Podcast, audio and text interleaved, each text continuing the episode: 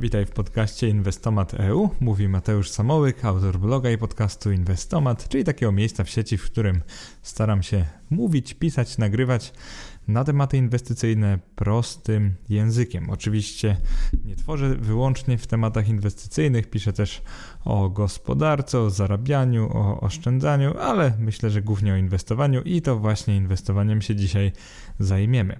Ten podcast nosi nazwę Dlaczego ceny funduszy ETF na obligacje zmieniają się dynamicznie i powiedziałbym, że jest to jeden z ważniejszych odcinków mojego podcastu dotychczas.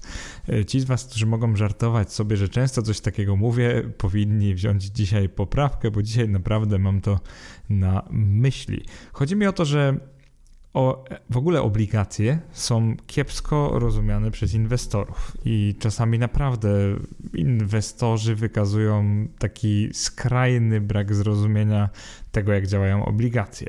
I teraz, jeżeli weźmiemy instrumenty, które same w sobie są kiepsko rozumiane przez inwestorów i opakujemy je w ETF-a, czyli w fundusz inwestycyjny, który posiada wiele takich emisji, to zastanówmy się, co jest efektem tego równania, co jest wynikiem? Wynikiem są kłopoty, ponieważ mamy fundusz pełen czegoś, co samo w sobie jest mało zrozumiałe przez inwestorów, więc jak u licha, że tak kolokwialnie powiem, inwestorzy mają rozumieć ETF na obligacje, skoro mają problem ze zrozumieniem obligacji. Także celem tego nagrania, które dzisiaj Wam prezentuję, będzie przede wszystkim wyjaśnienie, dlaczego w ostatnich właściwie latach Ceny funduszy ETF, nawet na obligacje skarbowe, może nawet zwłaszcza na obligacje skarbowe, zmieniały się tak dynamicznie.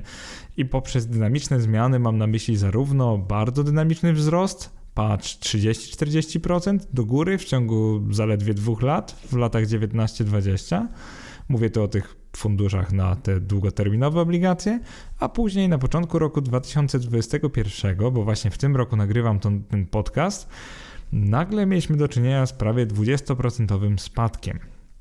Więc moją motywacją do, napis do, napisania wpisu oraz nagrania tego podcastu jest oczywiście fakt, że otrzymuję mnóstwo pytań, mniej więcej brzmiących w ten sposób: Mateusz, no jak to możliwe, że te bezpieczne nasze ETF-y pospadały o 20-30%? Co się stało i czy kiedykolwiek odrobimy te straty?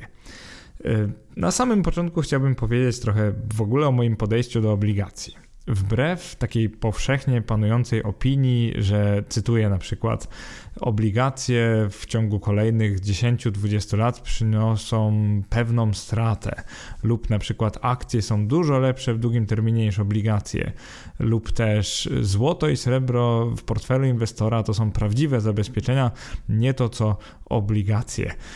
Powiem w ten sposób, że dla mnie obligacje są i dalej będą podstawą portfela inwestycyjnego. I o co tu tak naprawdę chodzi? Dlaczego tak się uparłem na te obligacje i dlaczego uważam, że one mimo wszystko mają sens w portfelu inwestycyjnym? Chodzi mi o to, że nawet w otoczeniu takich minimalnych stóp procentowych, czyli w czasach, kiedy obligacje płacą na przykład 1% rocznie lub mniej, brutto, wobec tego, że kiedyś płaciły nawet 5-10% rocznie brutto, ja i tak uważam, że one mają swoje miejsce w portfelu inwestora. Pierwszy powód jest taki, że nawet jeżeli inwestujesz, podkreślam bezpośrednio, jeżeli kupujesz bezpośrednio obligacje notowane na rynku, ale takie, gdzie na przykład skarb państwa jakiegoś kraju obiecuje ci 1% rocznie i to, że za 10 lat wykupi te obligacje po na przykład tej samej cenie, dajmy na to, że zapłaciłeś lub zapłaciłaś za nie 100 dolarów, skarb państwa Stanów Zjednoczonych obiecuje ci 1% rocznie, a później za 10 lat to, że odkupi od ciebie za 100 dolarów, no to zauważ, że nominalnie stracić na nich nie możesz. Niezależnie co by się działo z ich cenami no, no w czasie trwania tak naprawdę w okresie życia tej obligacji, czyli podczas tych 10 lat, ty nominalnie na nich nie stracisz. I teraz ci bardziej czepialscy powiedzą, no dobra Mateusz, nominalnie może nie stracisz, ale inflacja to podżera. Jeżeli inflacja średnio wyniesie więcej niż 1%, no to jakby realnie na nich stracisz. Tylko ja teraz nie mówię o realnej stracie, tylko o nominalnej, ponieważ nikt tak naprawdę nie jest w stanie przewidzieć inflacji na 10 lat do przodu. Możemy tylko przewidywać, że jakaś tam będzie i że jakby jeżeli rząd potrzebuje wielu pieniędzy i będzie się zadłużał, no to oczywiście prawdopodobnie pokusa na to, żeby drukować więcej środków, będzie ogromna, więc prawdopodobnie będzie drukował więcej pieniędzy, a więc rozpędzał inflację. I teraz powiem w ten sposób. Ja mam za dużo pokory takiej do rynku, do, do, gospodarki, do inwestowania, żeby wam powiedzieć, że z całą pewnością będzie wysoka inflacja. Po prostu nie mam pojęcia. Więc wolę wam otwarcie powiedzieć, że nie wiem, niż jakoś tam ściemniać, tak, na pewno będzie, e, zaopatrujcie się w to i to, ponieważ na, tak naprawdę to nie wiem. Natomiast jestem na tyle dobry z matematyki, z arytmetyki, żeby powiedzieć wam, że jeżeli kupujecie obligację skarbową za 100 dolarów, która właśnie trwa 10 lat i co roku ma wam płacić 1% i doczekacie do końca czasu trwania tej obligacji i otrzymacie z powrotem swoje 100 dolarów od rządu, to naprawdę mało mnie interesuje, czy w roku drugim ta obligacja będzie warta 90 dolarów, w roku trzecim na przykład 80 dolarów, a w roku czwartym 70, bo dajmy na to, że na rynku będą emitowane kolejne lepsze serie, ponieważ w efekcie po 10 latach otrzymam z powrotem swoje 100 dolarów. To jest dla mnie tak naprawdę najważniejsze w inwestowaniu w obligacje. Więc jeżeli zrozumiecie, że inwestując w obligacje skarbowe bezpośrednio, podkreślam, nie poprzez ETF i doczekując do końca ich czasu trwania, czyli tego cyklu życia, otrzymacie z powrotem całe swoje środki, to tak naprawdę nauczyliście się połowę rzeczy, które chcę przekazać w tym podcaście. Niestety druga połowa będzie o wiele, wiele trudniejsza. Trochę opowiem o strukturze tego nagrania, a później przejdźmy do rzeczy. W pierwszym rozdziale, który nazwałem Skąd ta zmienność cen ETF-ów obligacyjnych, przedstawię Tobie problem, czyli trochę opowiem, co się działo z tymi cenami ETF-ów na obligacje skarbowe. W drugim rozdziale tego nagrania powiem Ci trochę więcej o inwestycji bezpośredniej w obligacje skarbowe USA, czyli to, co przed chwilą wspomniałem, ale jednak w większym szczególe, żebyś dobrze zrozumiała lub zrozumiał, co miałem na myśli, co autor miał na myśli w tym bezpośrednim kupowaniu papierów dłużnych Skarbu Państwa USA. I w rozdziale najdłuższym, rozdziale trzecim, opowiem o zakupie ETF-a na obligacje skarbowe. I tam będzie naprawdę sporo detali technicznych, czyli o składzie takiego ETF-a. Zrobię też uproszczony model portfela takiego funduszu ETF, zrobię symulację ETF, inwestycji w ETF na obligacje, żebyś zrozumiał, zrozumiał dokładnie krok po kroku, co się dzieje z tymi nieszczęsnymi cenami, dlaczego one potrafią tak rosnąć i spadać. Opowiem też o scenariuszu pozytywnym, czyli o spadku rentowności takich papierów. Opowiem o ucieczce przy niskiej rentowności, czyli takim scenariuszu stabilizującym i będzie też scenariusz negatywny przy wzroście rentowności, czyli tak naprawdę to, co obserwujemy w ostatnich miesiącach, jeżeli chodzi o obligacje Skarbu Państwa USA. Tutaj również dodam taki scenariusz stabilizujący, czyli dlaczego nie panikować, mimo tego, że wzrosły rentowności obligacji skarbowych, a więc nasz ETF naprawdę nurkuje, jego cena drastycznie spada. Na samym chyba końcu podcastu opowiem o tym problemie, czyli co się dzieje z rentownością oraz cenami ETF-a, dlaczego one potrafią tak mocno skakać w górę i w dół. I chyba już we w samych wnioskach powiem o tym, jak uniknąć strat inwestując w ETF na obligacje, czyli takie podstawowe zasady inwestowania w takie papiery, w takie instrumenty finansowe. Zacznijmy od właśnie sedna problemu, czyli tego, że inwestycja w ETF na obligacje to jest zupełnie coś innego niż inwestycja w obligacje. I jeżeli czujesz się teraz trochę oszukany lub oszukana, ponieważ w serii o ETF-ach i serii o obligacjach wielokrotnie podkreślałem, że ETF-y na obligacje są mimo wszystko dobrym składnikiem długoterminowego portfela inwestycyjnego, to to, co musisz pojąć, to fakt, że zupełnie czymś innym jest bezpośredni zakup obligacji, w którym masz taką możliwość, żeby doczekać do końca ich czasu życia, czasu trwania, czyli kupujesz, tak jak powiedziałem, za 100 zł lub 100 dolarów, doczekujesz do końca i otrzymujesz swoje 100 zł lub 100 dolarów a inwestycja w ETF, który niestety ze względu na swój sposób kreacji i wyceny jednostek, Czyli to, że kiedy jest popyt na jego jednostki, on musi kreować nowe, czyli po prostu musi kupować aktywa bazowe po tej obecnej cenie na rynku. Kiedy nie ma popytu, musi je sprzedawać, to jest druga sprawa. I to, że jest wyceniany metodą net asset value, czyli po prostu on posiada wiele różnych emisji obligacji z różnego okresu i one oczywiście zmieniają ceny. O tym, jak zmieniają ceny, powiem Wam za chwilę. Chodzi po prostu o to, że skoro taki ETF no nie ma jakby czasu życia. On z natury żyje wiecznie, jakby chodzi o to, że on zawsze będzie trwał i on zawsze będzie kupował kolejne emisje. I oczywiście te kolejne emisje będą warte więcej lub mniej w zależności od tego, ile teraz, jakie teraz jest oprocentowanie, czyli ta rentowność ETF-ów, przepraszam, obligacji bezpośrednio na rynku, więc jakby ETF w rzeczywistości jest taką jedną wielką obligacją skarbową, która po prostu uśrednia to, co ma w portfelu. No i siłą rzeczy czasami on będzie sprzedawany za drogo, czasami zbyt tanio, a tak naprawdę będzie zawsze sprzedawany po obiektywnej cenie, za którą powinien być sprzedawany, ale to ten fenomen wyjaśnię Wam dalej w tym podcaście.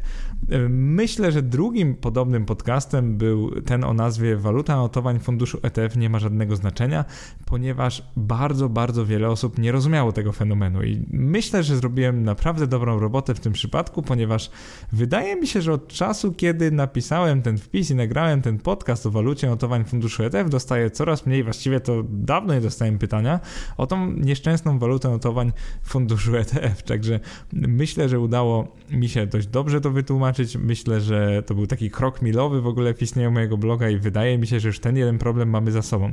Jeżeli dzisiaj uda mi się Tobie dobrze wytłumaczyć, o co chodzi z tymi cenami ETF-ów na obligacje, zwłaszcza skarbowe, bo tak naprawdę na nich się głównie skupimy, bo to one powinny być taką bezpieczną przystanią, bezpieczną ostoją, a to one ostatnio powodują nawet bardzo wysokie, przynajmniej takie tymczasowo wysokie straty w portfelu inwestorów, więc inwestorzy naturalnie y, podnoszą głos, czasem nawet krzyczą i mówią, co się takiego u licha dzieje, że my tracimy 20% na bezpiecznych papierach dłużnych, zwłaszcza tych skarbowych.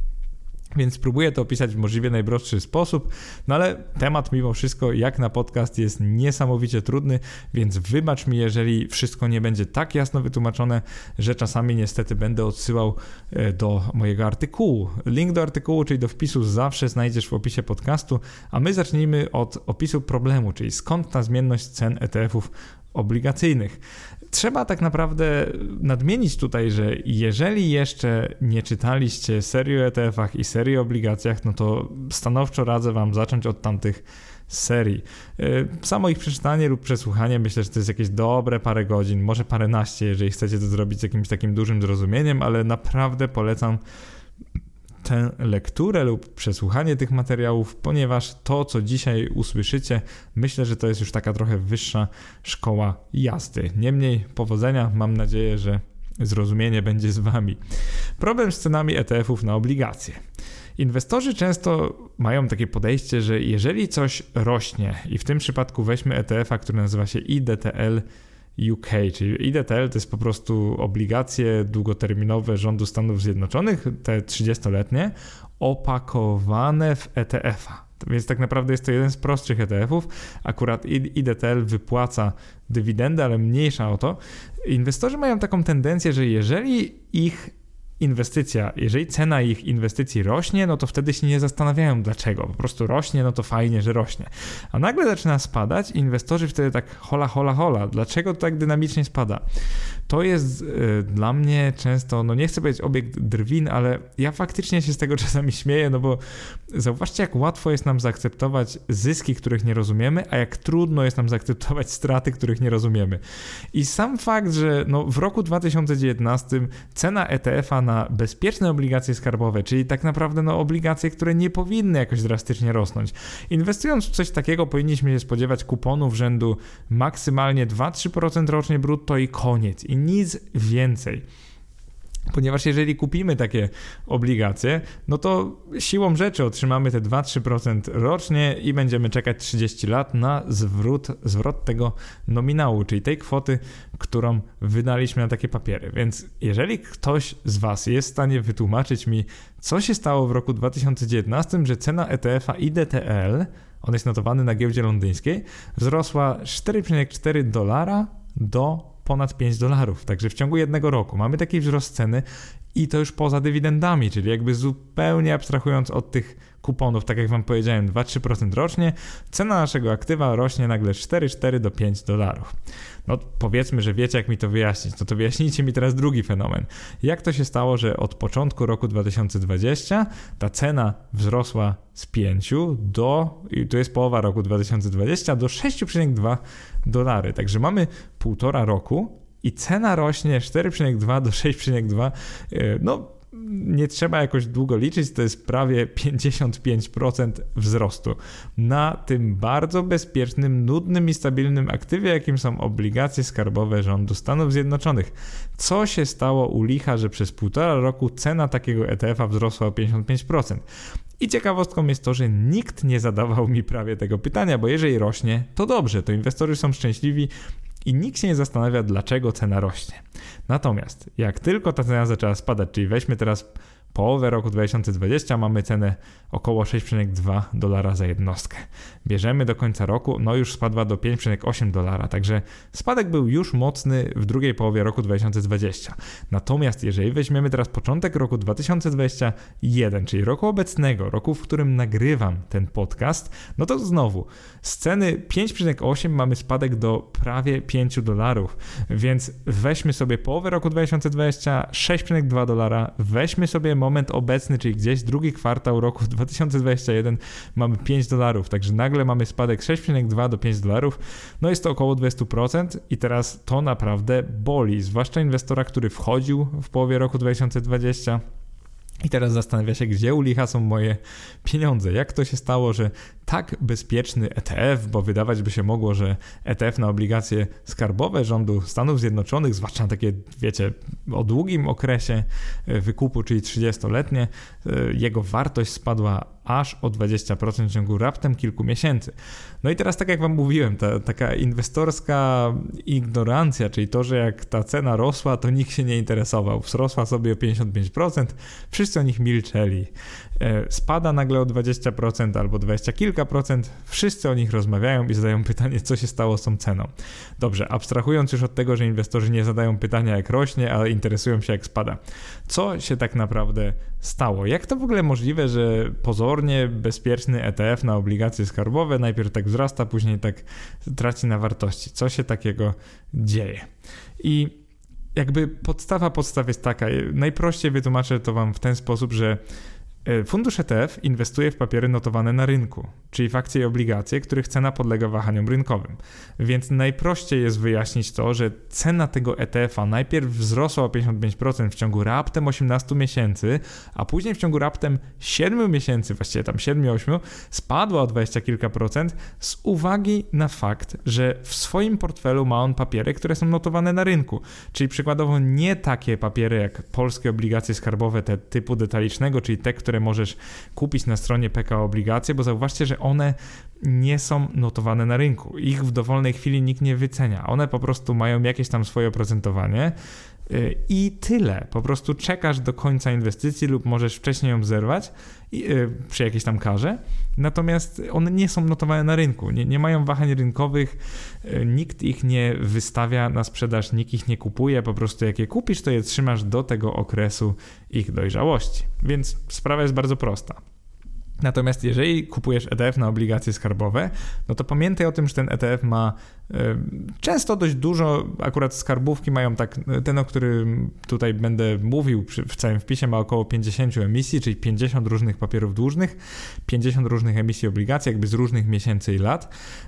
Czy 50 to jest dużo, czy mało, to jest sporo. I teraz wyobraźcie sobie, że on trzyma te 50 emisji i każda z nich ma jakąś cenę. Albo na giełdzie, albo na rynku OTC, głównie na giełdzie, więc to jest naturalne, że cena takiego ETF-a będzie podlegała wahaniom. Więc jeżeli już zrozumieliście, dlaczego w ogóle ta cena tak się waha, wie, dlatego, że że cena obligacji pod spodem się waha. Myślę, że jak mamy to z głowy, to teraz e, zadajmy sobie pytanie, dlaczego ceny funduszy na ETF na obligacje zmieniają się? Czyli dlaczego ceny tych ETF-ów się zmieniają tak dynamicznie tak naprawdę, czyli tak jak nazywa się podcast. I o to, co należy zapamiętać przed kontynuowaniem słuchania tego podcastu, tego odcinka podcastu. Zacznijmy od tego, że właśnie fundusz ETF tworzy nowe jednostki, gdy jest na nie popyt, a umarza, czyli likwiduje istniejące, gdy na sprzedawane jednostki nie ma chętnych po stronie kupujących. W praktyce oznacza to to, że ETF musi, tak jakby jest zmuszony do kupowania aktywów według pewnego wzorca zawsze po obecnej cenie rynkowej, by zachować się zgodnie z obranym przez siebie planem lub strategią, czyli po prostu benchmarkiem. Zwykle to jest jakiś indeks, według którego działa. Więc jeżeli ETF na przykład zakłada kupowanie 30-letnich obligacji skarbowych, no to on będzie kupował te, które są teraz dostępne, zwykle te najnowsze emisje. I zwykle wtedy, kiedy inwestorzy chcą go kupić, więc jakby ten ETF jest dość bezmyślny, nazwijmy to, i on będzie robił tak, jak zakłada jego strategia i oczywiście popyt i podaż. Ale, ale od razu wybijcie sobie z głowy to, że ETF jest jakoś spekulacyjnie, jego cena jest zaniżana lub e, zawyżana, ponieważ to jest jakiś mar błąd marginalny, jakieś 1%, ponieważ, tak jak wiecie, mam nadzieję, z serii ETF-ach, metoda wyceny funduszu ETF to jest net asset value, czyli pod koniec każdego dnia ten custodian, czyli ta firma, która zarządza jakby ETF-em na giełdzie, ona sprawdza, jak się ma cena ETF-a do ceny jakby aktywów pod spodem. I jeżeli cena aktywów pod spodem jakoś znacząco uciekła, no to custodian po prostu robi tak zwany arbitraż, czyli jeżeli inwestorzy za bardzo spychają cenę ETF-ów w dół, no to Custodian likwiduje jednostki i po prostu sprzedaje na giełdzie drożej te aktywa, które były zawsze pod spodem ETF-a i zarabia na tym pieniądze. Więc jakby cena ETF-a nie może uciec znacznie poniżej ceny wartości rynkowej jego aktywów. W drugą stronę działa to identycznie. Jeżeli inwestorzy będą spekulować jakoś za drogo, będą chcieli kupować i za drogo będą sprzedawać ETF-a, bo będą spekulować, że na przykład e, ten rynek, dajmy na to chiński, pójdzie do góry e, w ciągu chińskiej sesji, która wydarzy się po naszej sesji oczywiście, dlatego można na tym spekulować, no to sytuacja będzie analogiczna, ponieważ custodian będzie mógł wtedy sprzedać nam jednostki tego ETF-a drożej, ponieważ sami tego chcieliśmy, poczekać parę godzin i po prostu kupić je taniej na giełdzie, e, te aktywa. Także będzie mógł sobie zrobić tańsze jednostki, sprzedać nam droższe i na tym zarobić. Więc e, ci z Was, którzy jeszcze nie wiedzieli albo zapomnieli ostatnio, że ETF jest wyceniany w taki sposób, jakiego no, te aktywa pod spodem, e, naprawdę musicie to sobie przypomnieć, zanim będziecie kontynuować to słuchowisko. Drugi punkt to jest to, że w zależności od warunków obecnych emisji obligacji podobnego rodzaju, czyli przykład emitowanych przez dany kraj lub firmę, e, ceny tych notowanych na rynku, czyli historycznych obligacji będą się zmieniać. To jest dość logiczne. Dam wam przykład. W 2010 roku Nibylandia emituje 10-letnie obligacje o stałym oprocentowaniu 10% rocznie i nominale 100 zł. No wiadomo, złotych Nibylandia staje się nagle Polską, ale to nie jest Polska, to jest Nibylandia. Nie było takich obligacji. Następnie rok później, czyli w roku 2011, ta sama Nibelandia emituje obligacje dziesięcioletnie, znowu ten sam typ, o stałym oprocentowaniu 5% rocznie i nominale 100 zł. Czyli nominał jest taki sam, zaś oprocentowanie jest o 5 punktów procentowych niższe, znacznie niższe niż było rok wcześniej. I teraz co się dzieje z ceną pierwszej obligacji? Tak zupełnie na logikę. Czy ktokolwiek będzie chciał sprzedać ją za oryginalne 100 zł, jeżeli obecnie oferowane obligacje płacą o 5 punktów procentowych rocznie mniej niż te pierwsze? Nie. Jej cena wzrośnie o około 40-45 zł, bo tyle właśnie będzie wynosić różnica w kuponach podczas kolejnych 9 lat jej trwania. Jak ja to u licha policzyłem? To jest akurat dość proste. Policzyłem to w pamięci. Jeżeli mamy 100 zł i ktoś nam obiecuje, że co roku będzie płacił nam 10 zł, natomiast mamy drugie 100 zł i tutaj ten sam ktoś nam obiecuje, że będzie nam płacił 5 zł, no to w pierwszym przypadku zarobimy na tej inwestycji przez kolejne 10 lat jakieś 100 zł. W drugim przypadku zarobimy przez 10 lat jakieś 50 zł. I to mega upraszczam przykład, w ogóle nie liczę inflacji, tak chłopski rozum.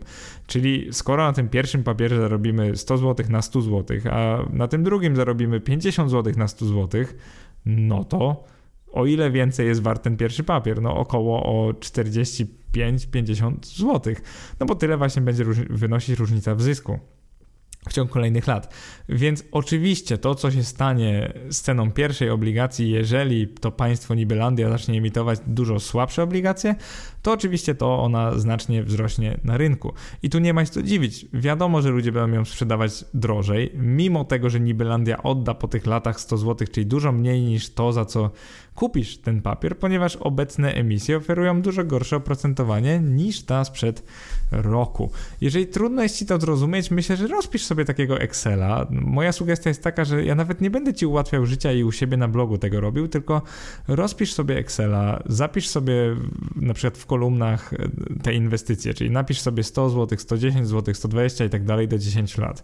Później obok napisz sobie 100, 105, 110, 115, 120 i tak dalej. Czyli po prostu rozpisz sobie takie emisje, zobacz ile warty jest każdy papier i wtedy zadaj sobie pytanie, ile w momencie X powinna być na giełdzie warta każda z emisji. Jeżeli możemy na giełdzie tą drugą kupić za 100 zł i ona płaci 5 zł rocznie, no to po prostu samemu sobie policz, ile warta powinna być ta pierwsza. Jeżeli już to będziemy mieli z głowy, jeżeli już to zrozumiesz, to jesteś naprawdę na dobrej drodze, żeby zrozumieć cały ten odcinek podcastu. No i teraz łączymy te dwa punkty. Jeżeli ceny obligacji fluktuują, a fundusz ETF musi je zawsze kupować i sprzedawać po obecnych cenach rynkowych, ponieważ jeżeli jest na niego popyt, to on musi tworzyć nowe jednostki, czyli kupować aktywa. Tak więc fundusz ETF nie zachowuje się tak jak inwestor, a już w ogóle nie zachowuje się jak inwestor aktywny. Zauważcie, że inwestor kupowałby obligacje skarbowe z zamiarem przetrzymania ich do samego końca, a przynajmniej większość inwestorów by tak robiła. Różnica jest bardzo subtelna, ale bardzo istotna, gdyż inwestor indywidualny, czyli ja i ty, który bezpośrednio trzymałby obligacje na swoim rachunku, mógłby po prostu doczekać do ich dojrzałości, czyli nigdy by nie odniósł nominalnej straty, czego tego ETF niestety robić nie może, ponieważ jest on wyceniany metodą Net Asset Value i musi kupować i sprzedawać aktywa w sposób mniej lub bardziej automatyczny, kiedy tylko inwestorzy chcą kupić te jego jednostki.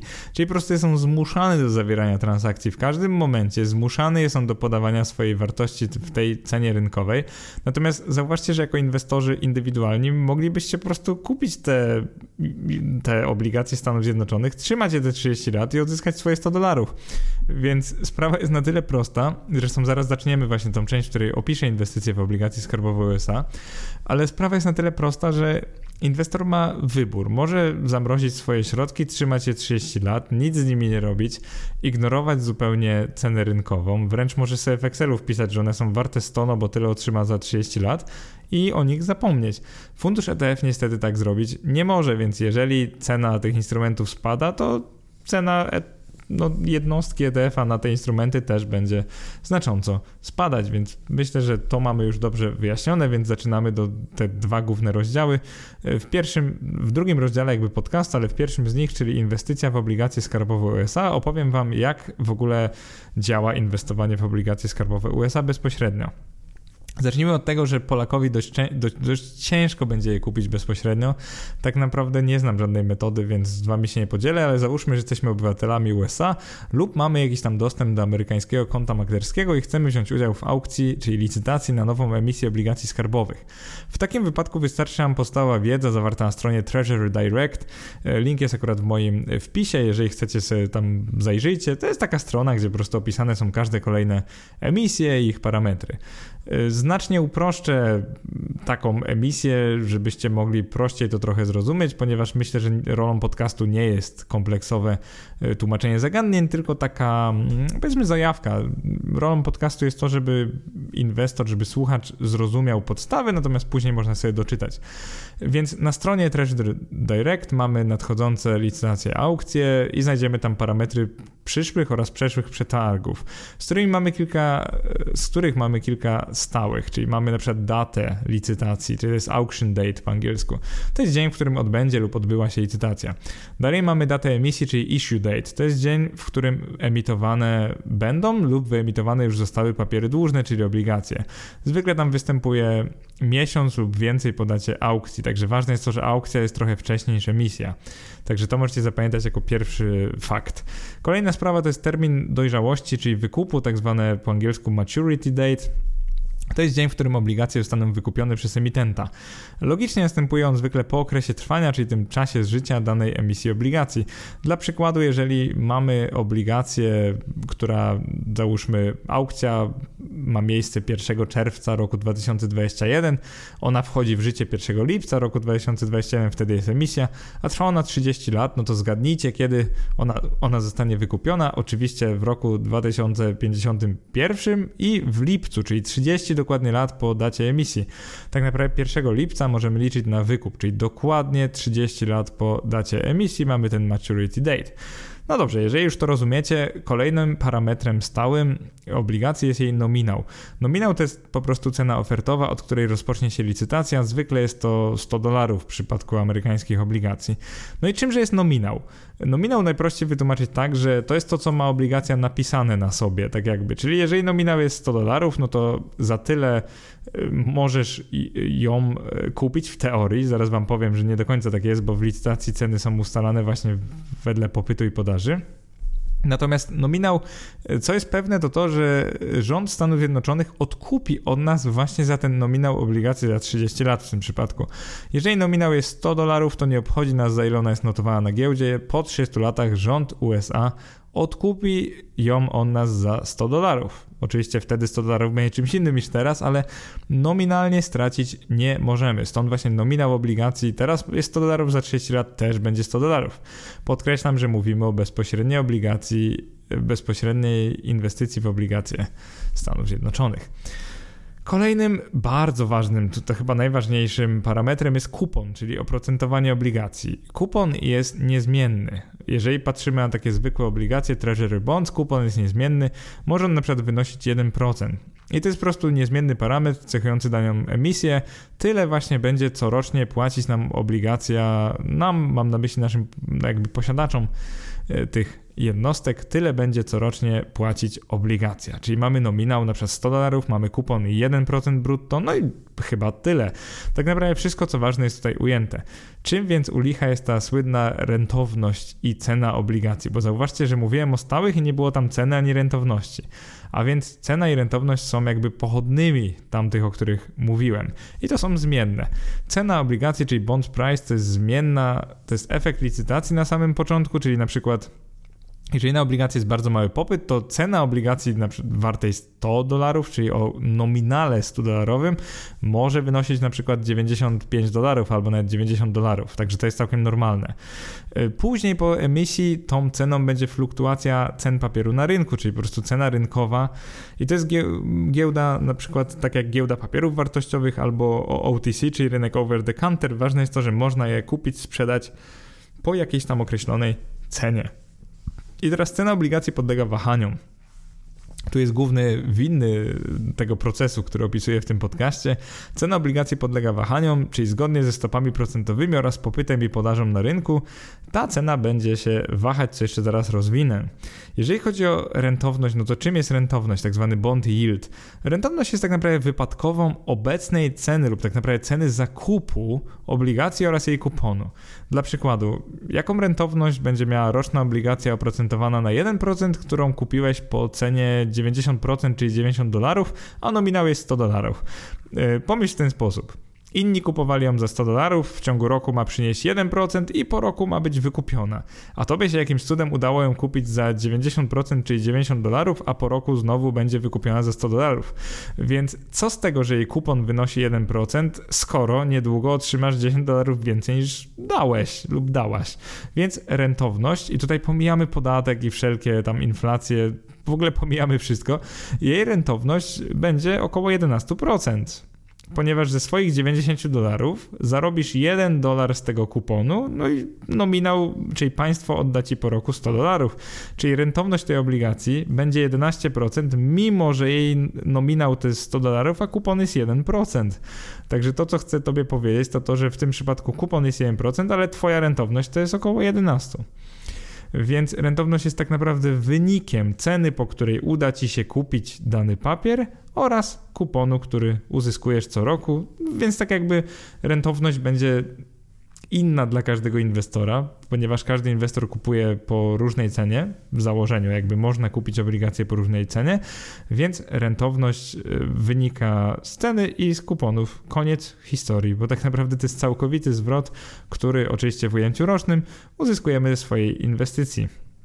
Jeżeli chodzi o cenę obligacji, to oczywiście, tak jak Wam powiedziałem, ona się zmienia w czasie i jest ściśle uzależniona od rentowności, czyli po prostu im taniej kupisz obligacje, tym bardziej rośnie jej rentowność. To jest bardzo logiczne, no bo jeżeli by udało Tobie się kupić za 50 dolarów coś, co rząd wykupi za 100, za 12 miesięcy, w ogóle powodzenia, bo to się raczej nie wydarzy, w tym życiu przynajmniej, ale jeżeli by Ci się udało kupić takie obligacje, no i co z tego, że rząd zapłaci Ci 1 dolar kuponu, jeżeli za rok odda Ci 100 dolarów, więc Twoja rentowność jest jaka? No na szybko sobie to policz. Jeżeli z 50 dolarów zrobisz 101, no to masz rentowność niezłą, 100% y, ponad. Więc y, to, co chcę powiedzieć, to to, że rentowność się liczy dla danego zakupu, a nie, to nie jest to samo co kupon. Y, oczywiście, jeżeli mówimy o obligacjach notowanych na rynku, których cena się zmienia.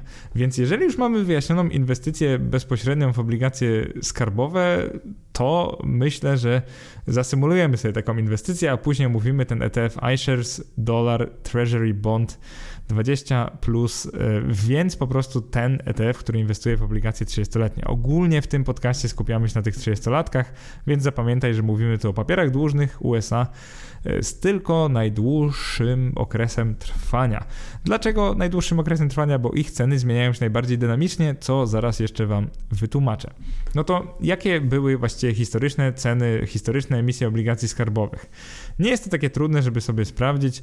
Możemy sobie bez problemu na Treasury Direct znaleźć historyczne e, ceny i historyczne emisje obligacji. No i tak jak Wam mówiłem, co jest stałe w tych emisjach? Stały jest przede wszystkim kupon i to nam bardzo tutaj pomoże. Będziemy mieli wtedy różne emisje, będziemy mieli ich kupon, który jest stały i ich obecną cenę na rynku. Nominał w tym przypadku zawsze jest 100 dolarów, więc tak naprawdę nominał nie gra roli, bo on zawsze jest 100 dolarów i teraz co się dzieje? W chwili, kiedy nagrywam ten podcast, czyli tam to jest akurat początek kwietnia roku 2021, cena na rynku obligacji, które mają kupon 4,38% rocznie i są na 30 lat emitowane, wynosi około 136 dolarów. Czyli płacimy 136 dolarów za papier, który na końcu zwróci nam 100 dolarów. Dlaczego? Ponieważ kupon jest dużo wyższy niż obecnych emisji 4,38%. Idziemy trochę niżej. Jeżeli mamy kupon 3,13%, to są obligacje często emitowane kilka, kilkanaście lat temu, a ich cena na rynku teraz jest 115 dolarów, no to czy warto je kupować? Oczywiście, że tak, ponieważ rynek reguluje się sam. Jeżeli ludzie płacą za to 115 dolarów, a to nam płaci 3% rocznie, to oznacza, że jest to na tyle lepsze od obecnej emisji, że po prostu jest warte tyle dokładnie. Później mamy kupon 2,88%, to jest inna emisja, te są warte 110 dolarów. Mamy następnie kupon 2,5%, trochę mniej, te są warte 102 dolarów. Zauważcie, że doszliśmy bardzo blisko 100%, czyli 100 dolarów.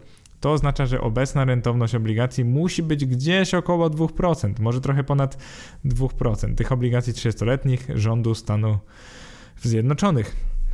Następnie mamy obligacje o kuponie 2%. One teraz, ich cena jest około 92 dolarów. Zauważcie, że jest niższa niż 100 dolarów. Można je kupić taniej niż na końcu odda nam rząd USA. Następnie mamy takie obligacje o kuponie 1,25%. Jako ciekawostkę podam, że to są obligacje, które były emitowane rok temu, czyli w roku 2020, czyli wtedy, kiedy rentowność obligacji była minimalna. No to cena ich na rynku jest teraz 76 dolarów. Czyli jak to działa? Jeżeli byśmy bezpośrednio kupili te obligacje o kuponie 1,25% w zeszłym roku, czyli 2020, no to ze 100 dolarów zrobiłoby nam się teraz 76. I ci z Was, którzy, którzy czują się jacyś, nie wiem, może oszukani, którzy czują, że nie powinno się na obligacjach skarbowych tyle tracić, to mam dla Was jedną dobrą wiadomość. Nie musicie sprzedawać tych obligacji. Co z tego, że wydaliście 100 dolarów, kupon jest 1,25%, a teraz są one warte na giełdzie 76. Przecież możecie je trzymać 30 lat i rząd Stanów Zjednoczonych odda Wam 100 dolarów. I w tej chwili pozdrawiam wszystkich innych blogerów i podcasterów, którzy ciągle psioczą na obligacje skarbowe, mówiąc, że na nich można tylko stracić. Nie, odpowiem przewrotnie, na nich wręcz się nie da stracić.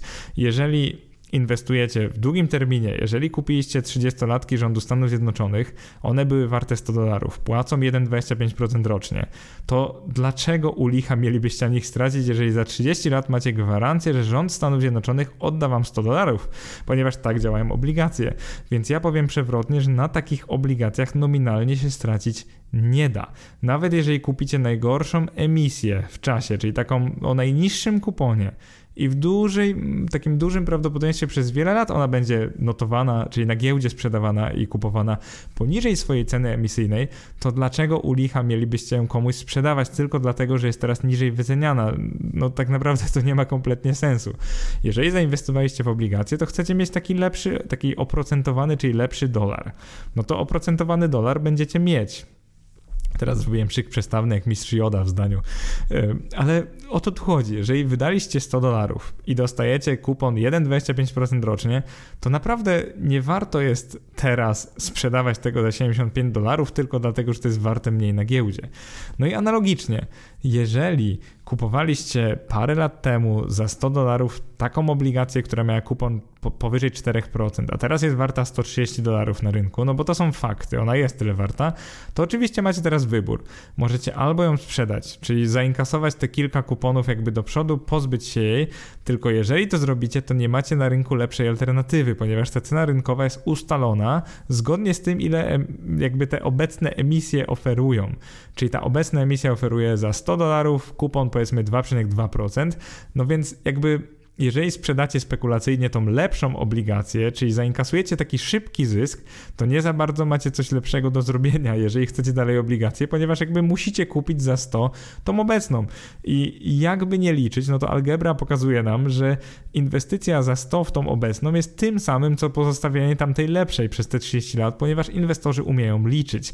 Więc to, co chcę Wam powiedzieć, to to, że rentowność obligacji, na przykład 30-letnich, dotyczy wszystkich ich emisji, nie tylko obecnej, ponieważ inwestorzy myślą, inwestorzy umieją liczyć, więc inwestor sobie policzy, aha, no to na tej gorszej w ciągu 30 lat zarobię z kuponów, dajmy na to 40 dolarów, nie tak dużo, tak, bo jest bardzo mały kupon. No to oczywiście zbijmy jej cenę, skoro z tej lepszej, nowej emisji za 100 dolarów uzyskam na przykład 80 kilka dolarów w ciągu 30 lat, więc inwestor potrafi sobie policzyć, że ok, różnica będzie około 30 kilku dolarów, więc cena na giełdzie tej, tej gorszej, tej starej emisji yy, może na przykład w tej chwili być 70 parę dolarów, ponieważ inwestorzy liczą, jaka będzie różnica w zarobkach w tym czasie trwania. I myślę, że mamy za sobą najważniejszy rozdział, który sprawi, że dużo prościej zrozumiecie, co się dzieje z cenami ETF-ów na obligacje. Więc teraz jakbyśmy sobie jeszcze raz, zasymulujmy sobie inwestycję bezpośrednią.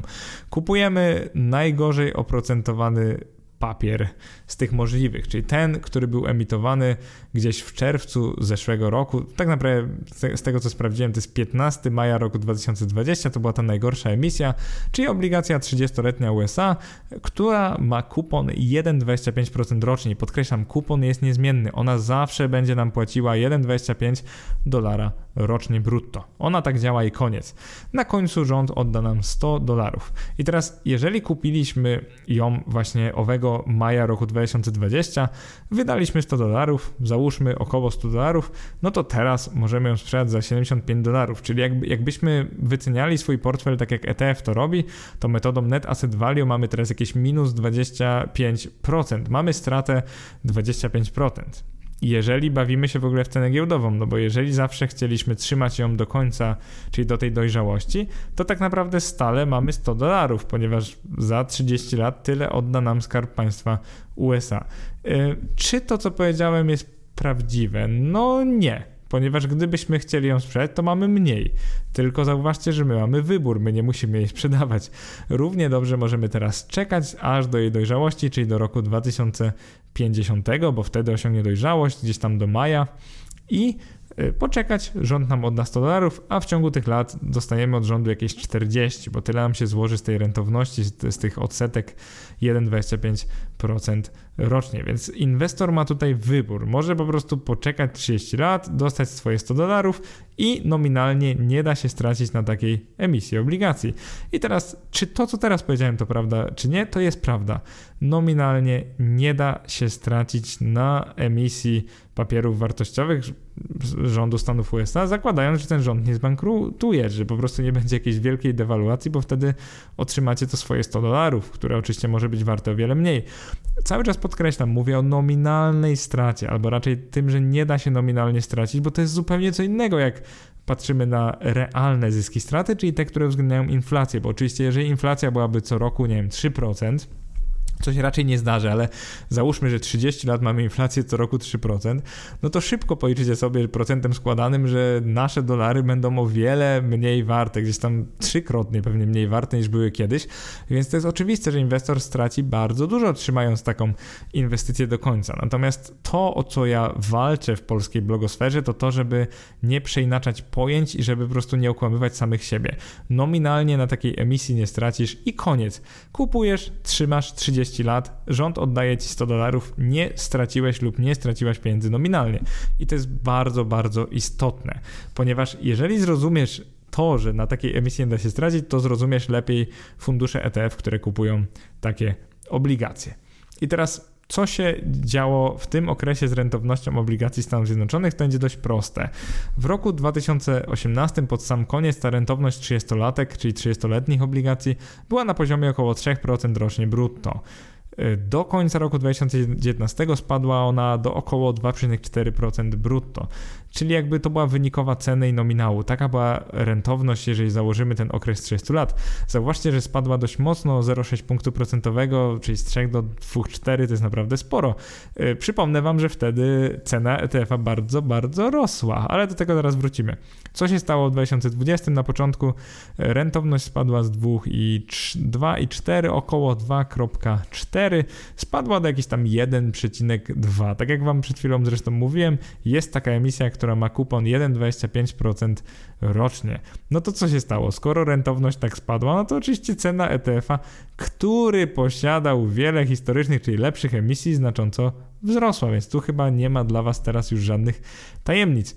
No więc co się stało? Inwestor kupił pechowo, w 2020 kupił pechowo najgorszą historycznie emisję. No miejmy nadzieję, że nie za całe środki, tylko on rozsądnie kupuje co jakiś czas te emisje obligacji, więc pechowo kupił najgorszą. No i oczywiście, jeżeli nowe są oprocentowane na 2,4, a stara na 1,2, czyli dwa razy gorzej, no to oczywiście cena tej starej musi mocno spaść, ponieważ no kto będzie na rynku kupował obligacje dużo gorsze, dużo gorzej oprocentowane niż te, które są obecnie emitowane, skoro może mieć dużo lepsze papiery za 100 dolarów. To jest dość proste. Yy, naprawdę, zróbcie sobie łatwego Excela, rozpiszcie to wszystko i gwarantuję wam, że każdy z was zrozumie o co tu chodzi. To naprawdę nie jest takie trudne. Wystarczy rozpisać sobie ten horyzont 30 lat, rozpiszcie sobie ile płaci każdy z papierów i jakby na logikę wtedy, na chłopski rozum zrozumiecie dlaczego jedna z emisji jest o tyle y, więcej warta teraz niż ta druga. Y, tak jak wam mówiłem, 100 dolarów, a tam 70 y, kilka, więc to jest dość proste. Naprawdę da się to zrozumieć. Zaczynamy teraz ten trudny trzeci rozdział, trzecią część tego e, podcastu, tego nagrania, czyli tom o zakupie ETF-a na obligacje skarbowe USA. No tutaj będzie trochę trudniej, ale to, co już wiemy, pomoże nam znacznie zrozumieć to, co siedzi w tym ETF-ie i dlaczego jego cena ostatnio tak drastycznie spada, a w latach 2011 2020 tak drastycznie rosła, bo tak naprawdę e, podkreślam, jako inwestorzy musimy być rozsądni. Musimy zastanawiać się, dlaczego coś rośnie oraz dlaczego spada, a nie tylko dlaczego spada. Także apel do Was, zastanawiajcie się także, kiedy mamy takie anomalie pozytywne, że coś rośnie powiedzmy za bardzo, a nie tylko kiedy mamy anomalie negatywne, czyli kiedy coś spada za bardzo. Więc przechodzimy do tej części trzeciej, zakup ETF-a na obligacje skarbowe USA. Na czym on polega? Pora wrzucić trochę wyższy bieg. Zaczynamy od tego, co jest w składzie takiego ETF-a. Skoro ETF i DTL, czyli ten, o którym Wam mówiłem, pełna nazwa to jest iShares USD Treasury Bonds 20 Plus Years UCITS. Skoro istnieje od roku 2010, jeżeli dobrze sprawdziłem, lub 11, przepraszam, że nie podaję konkretnej daty, chyba 11 jednak. E, patrzę tylko na wykres, który przygotowałem do wpisu teraz. Skoro istnieje od tamtego momentu, to oczywiście kupuje on od wtedy różne emisje obligacji skarbowych. Mowa tutaj oczywiście o obligacjach skarbowych rządu USA 30-letnich, czyli tych najdłuższych, o najdłuższym okresie zapadalności no to skoro kupuje od roku 2011 obligacje skarbowe, no to posiada w portfelu obligacje o różnych parametrach stałych, czyli o różnych kuponach, mówiąc wprost.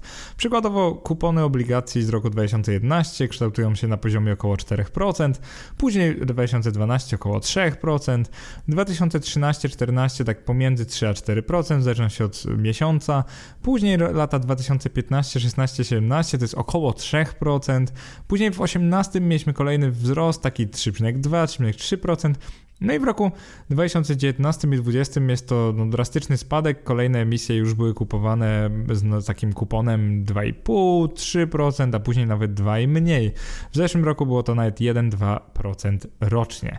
Więc tu zróbmy na chwilę taką dużą kropkę i się zastanówmy wtedy, czym jest ten ETF. Co on ma pod maską tak naprawdę? On ma pod maską różne ilości różnych obligacji skarbowych i oczywiście zaczynając od tych najlepszych, które kupował lata temu, jak dopiero powstawał i wtedy popyt na niego był oczywiście niższy niż teraz, to jest dość naturalne, więc posiada on trochę takich obligacji oprocentowanych na 4, a nawet prawie 5 Następnie w kolejnych latach kupował te coraz to gorzej oprocentowane obligacje, a więc jak pewnie zgadujesz, teraz jego cena rosła. Czyli z tych y, powiedzmy, że on powinien być wart y, X, no to w pewnym momencie był wart nawet 130, 140, 150% X, ponieważ posiadał na tyle dobre obligacje skarbowe, jeżeli sobie uśrednimy to, co on miał w portfelu wobec rynku, więc oczywiście cena rosła. I jeżeli byśmy tak spojrzeli procentowo, ile procent w portfelu ten IDTL posiada z którego roku, to tych najlepszych obligacji z roku 2011 posiada około 3%, a ich średnia rentowność, średnie oprocentowanie 4% wynosi. E, jeżeli chodzi o inne mm, emisje, przed 2012 posiada ich 5% w portfelu, no i oprocentowanie było już bliższe 3%. Następnie 2013 posiada 9% w portfelu, oprocentowanie ich było już takie 3,3%, trochę wyższe. Teraz skoczmy o kilka lat. E, w roku 2020 e, jakby procentowo w portfelu posiada ich 15%, czyli najwięcej ze wszystkich emisji, patrząc na to, jeżeli byśmy porównywali rok do roku, natomiast oprocentowane są na 1,56%. Skąd to się bierze, że on posiada akurat tyle emisji z danego roku? Po prostu popyt na niego był taki w danym roku, że tyle osób go kupiło. Musiał stworzyć tyle jednostek, a gdy on tworzy jednostki, to kupuje on po prostu nową emisję obligacji. Więc tym sposobem mamy w portfelu najwięcej tych takich, no powiedziałbym, słabym w słabych w tej chwili obligacji, a nieco mniej tych z każdego poprzedniego roku, ponieważ właśnie w taki sposób on działa. I teraz co to oznacza? Czym jest tak naprawdę fundusz ETF? Fundusz ETF jest zatem taką jedną wielką obligacją. Wyobraź sobie, że ty jako inwestor lub inwestorka co roku kupujesz różne emisje. Nominał jest zawsze 100 dolarów, a one dają ci różne oprocentowanie. No to tak naprawdę co masz po 10 latach, jeżeli oprocentowanie wahało się między 1% a 10%, czyli ten kupon wahał się między 1% a 10% i wszystkie trwają 30 lat. Co ty tak naprawdę masz w portfelu, zakładając, że trzymasz do końca? Ty tak naprawdę masz jedną wielką obligację, która ma oprocentowanie około tych 5-6%, gdzieś tam pomiędzy tym 1 a, a 10, więc tak około 5,5 powiedzmy. Więc prawda jest taka, że fundusz ETF jest taką jedną wielką ruchomą obligacją, e, która po prostu z czasem kupuje wszystkie nowe emisje. I on jest jakby bezmyślny, więc polega to na tym, że czasami fundusz ETF będzie posiadał średnio lepsze emisje niż rynek i wtedy on będzie jakby notowany powyżej rynku, po prostu za więcej niż ten X, a czasami będzie posiadał gorsze emisje, ponieważ posiada on całą historię. Wyobraźcie sobie po prostu taki zbiornik, który łapie jak leci wszystkie emisje, no i on jakby nie myśli, tam, tam nie ma za nim żadnego mózgu, po prostu musi kupować kolejne emisje, jeżeli jest na jego jednostki popyt, a jakiś popyt będzie pewnie prawie zawsze. Działa to tak, że tak jak Wam mówiłem, inwestor może kupować każdą emisję, ale z każdą czekać do końca, do tego maturity. Więc polega to na tym, że w pewnym momencie inwestor uzyska to 100%, tak zwany nominał, ponieważ tyle właśnie odda mu rząd Stanów Zjednoczonych. Z ETF-em problem jest taki, że on musi ciągle kupować, musi ciągle sprzedawać te obligacje, natomiast my jako inwestorzy nigdy nie doczekamy się maturity, bo on się jakby nie kończy. On zawsze będzie kupował 30-letnie obligacje. I jeżeli dla ciebie jest to zbyt abstrakcyjne, to pomyśl sobie, że po prostu bierzesz cały portfel ETF-a i uśredniasz oprocentowanie. Sprawdzasz, yy, oczywiście średnia ważona, czyli waga w portfelu razy oprocentowanie, dodać waga w portfelu razy oprocentowanie i tak dalej, podzielić na 100% i to da ci jego średnie, jakby nominalne oprocentowanie. Więc przestań myśleć o ETF-ie jako o inwestorze, tylko zacznij o nim myśleć jako o takiej jednej wielkiej obligacji, która też ma swoje odsetki, też ma swoje oprocentowanie. I teraz myślę, że najprościej będzie to wyjaśnić na przykładzie. Ja sobie wymyśliłem taki prostszy przykład. On nie jest z życia, to znowu jest jakaś nibylandia.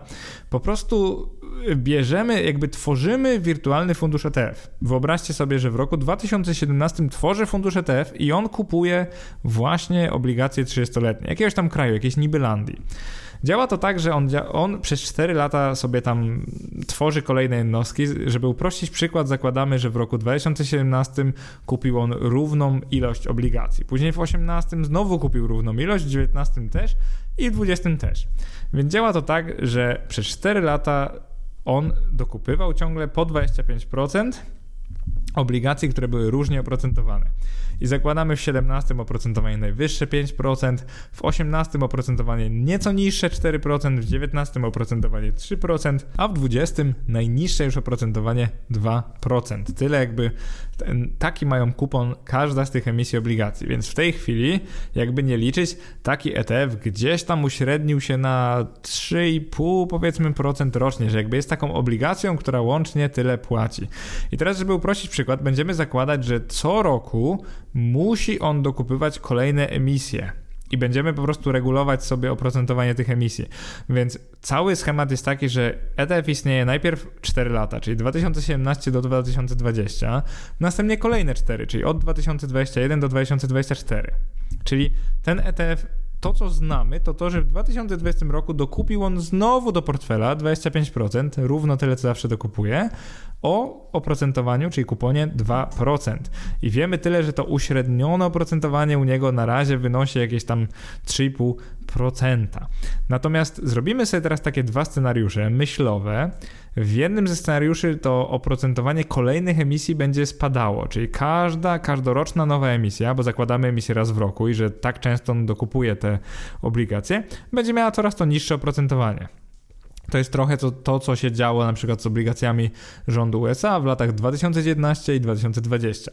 Drugi scenariusz dla posiadacza tego ETF-a będzie oczywiście dużo bardziej negatywny, ponieważ założymy sobie, że to doszło do minimum w roku 2020 i później zacznie dynamicznie rosnąć, czyli że oprocentowanie każdej kolejnej emisji będzie rosło i będzie taki moment, kiedy ten ETF będzie taką obligacją, która jest jakby mniej atrakcyjna, łącznie płaci mniej, niż najnowsza emisja obligacji skarbowych. Czyli tak jakby on nie będzie konkurował z rynkiem, a więc będzie wyprzedawany poniżej ceny rynkowej. Zaczynamy od scenariusza pozytywnego. Tak jak Wam mówiłem, lata 2017-2020 mieliśmy oprocentowanie od 5 do 2% i teraz zakładamy, że w roku 2021 znowu dokupujemy równą ilość tych obligacji, mamy oprocentowanie 1,5%. Następnie w roku 2022 mamy oprocentowanie 1%, czyli jeszcze mniej. Następnie w kolejnym roku, czyli 2023 mamy oprocentowanie 0,5%, tyle wynosi kupon. Następnie w 2024 mamy oprocentowanie zaledwie 0,25, 1 czwarta procenta. I teraz, co się tak naprawdę stało? Jak zrozumieć ten przykład? Przede wszystkim myślę o tym ETF-ie jako o jednej obligacji, która po prostu z czasem będzie uśredniała to oprocentowanie, czyli będzie się zmniejszało w tym przypadku. Sytuacja jest taka, że na przykład w roku 2020 na rynku były dostępne obligacje o kuponie 2%, natomiast nasz ETF płacił średnio 3,5%. W roku 2021 na rynku były obligacje, które już mniej płaciły 1,5%, a nasz ETF oczywiście uśrednił się w dół i płacił 3,1%, ponieważ też nabył tą nową emisję, bo on tak działa. W roku 2022 na rynku były dostępne obligacje, które płacą 1%, zaś nasz ETF płaci prawie 3, bo 2,75%, czyli dużo więcej. Dlaczego oprocentowanie naszego ETF-a spada? To jest bardzo proste, ponieważ on kupuje tą każdą kolejną gorszą emisję, bo musi, bo tak działa. W roku 2023 to nominalne, ten kupon nominalny, oprocentowanie obligacji na giełdzie spadło do 0,5, czyli 0,5%, a nasz ETF płaci teraz 2,43%, ponieważ on już ma tyle tych historycznych emisji, w tym przypadku 7, że już coraz ciężej, coraz wolniej się uśrednia, czyli ta dynamika zmian oprocentowania będzie już teraz coraz niższa, ponieważ on posiada dużo tych emisji historycznych. Więc różnica tu jest ogromna, naprawdę kolosalna. W roku 2024 mamy rekordowo niskie oprocentowanie tych obligacji emitowanych, y, które teraz już jakby weszły na giełdę. To oprocentowanie wynosi 1 czwartą, czyli 0,25%, 0,25%, y, po prostu chciałem powiedzieć procent procenta. Natomiast nasz ETF płaci 2,16% odsetek, ponieważ posiada te wszystkie historyczne emisje. No i przypomnę Wam, że ta pierwsza płaciła 5%, także była dużo lepsza niż ta obecna. Naprawdę dużo. Więc teraz jak to wygląda? Wygląda. Jeżeli nałożymy sobie taki bardzo prosty model wyceny takiego ETF-a, on nie jest idealny, jest bardzo prosty, to jest prosty wzór matematyczny. Działa to tak, że po prostu liczyłem sobie różnicę, jakbyśmy inwestowali w tego ETF-a na 30 lat i w, kolej, w kolejne te nowe emisje obligacji, no to działa to tak, że w roku 2017 zarówno ETF, jak i obligacja była warta 100, 100%, 100 dolarów dajmy na to. W roku 2018 obligacja była warta 100 dolarów, bo każda nowa jest zawsze warta 100 dolarów, ale ETF już 115, ponieważ przypomnę wam, że on płaci więcej niż obligacja na rynku. W roku 2019 nowa obligacja już płaciła 3% i była warta 100 dolarów, natomiast ETF wart już był 130 dolarów i tutaj przypominam, bo on płaci 4%, jest różnica. Następnie w roku 2020, no analogicznie, nowa emisja obligacji 2%, nasz ETF 3,5%. Czyli skoro płaci na tyle więcej, no to jest on wart już 145 dolarów. I teraz co się stało w tych latach, to jest bardzo podobne do lat 2018, 19, 20, jeżeli chodzi o obligacje skarbowe USA, zresztą wielu krajów, jak tylko spadały te rentowności, głównie na stopy procentowe, ale nie tylko, czyli ten kupon oraz ceny w licytacjach i jedno i drugie spadało, no to oczywiście rentowność wynikowa spadała bez efektem tych dwóch. I co się wtedy działo? No działo się to, że ETF-y musiały kupować coraz to gorsze emisje, no i w pewnym momencie kupiły no już bardzo słabą emisję, więc jakby w naszej symulacji w roku 2024 ta nowa obligacja, nowa emisja ma oprocentowanie 0,25%, a nasz ETF ma oprocentowanie 2,16%, czyli 2 punkty procentowe prawie więcej. Więc naturalnie jest on na giełdzie wyceniany na 157 dolarów zamiast 100. Czyli jeżeli 8 lat temu go kupiliśmy, możemy się teraz pozbyć za 157 dolarów. On jest obligacją, która wynikowo płaci na tyle więcej przez te 30 lat, że inwestorzy wyceniają go, właściwie rynek go wycenił i te obligacje pod nim na 157 dolarów. Czyli patrzcie na niego jako na takie dobro o dużej wartości, ponieważ jego emisje, te, które ma w portfelu, są wynikowo o wiele więcej warte niż ta nowa emisja, która niedawno wyszła i płaci tylko 0,25% rocznie. Taki jest kupon. No i mam nadzieję, że to jest zrozumiałe. I teraz co się może zdarzyć? Jakby co, co, co w tej chwili może się zdarzyć? Dlaczego wszyscy polecają ucieczkę przy niskiej rentowności, jak się trzyma ETF-y? To akurat jest bardzo proste. Ja tutaj nawiążę trochę do takiego podcastu, który nagrałem. To jest seria o obligacjach, obligacje 6 na 6 i ten podcast nazywa się Spekulacja na obligacjach. Jeżeli sobie go przypomnisz, być może wrócisz dzisiaj lub jutro do niego, pewnie jutro, bo ten podcast jest taki długi, że wątpię, że dzisiaj do czegokolwiek wrócisz, także nieźle pewnie to pierze mózg coś takiego, ale mam nadzieję, że dawka wiedzy jest tego warta.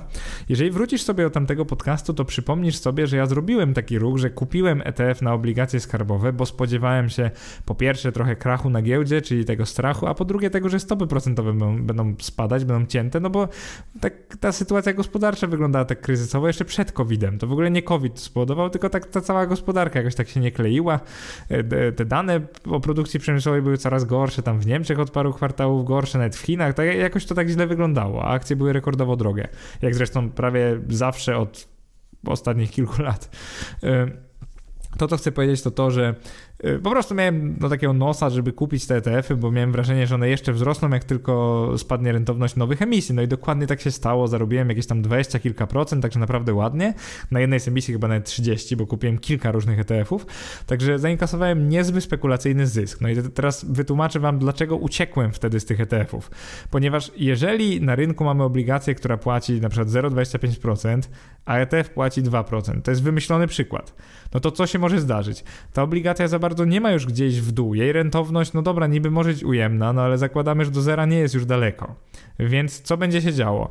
Y, wynikowo ETF będzie w kolejnych latach kupował kolejne emisje i nawet jeżeli stopy pozostaną na swoim miejscu i te kolejne emisje będą dalej płaciły 0,25, no to zrób sobie w głowie prostą symulację.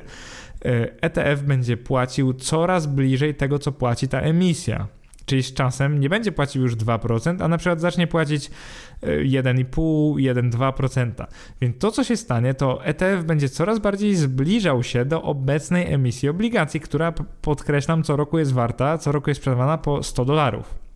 Więc to jest naturalne, że jeżeli mamy do czynienia z rekordowo niską rentownością nowych emisji, a nasz ETF jest wart na przykład 160 dolarów, a kiedyś płaciliśmy 100, no to to jest prawie oczywiste, że za bardzo ta rentowność nowych nie ma już gdzie spadać, więc co się może zdarzyć? Może wzrosnąć. Jak wzrośnie rentowność, to zrobię Wam prostą symulację.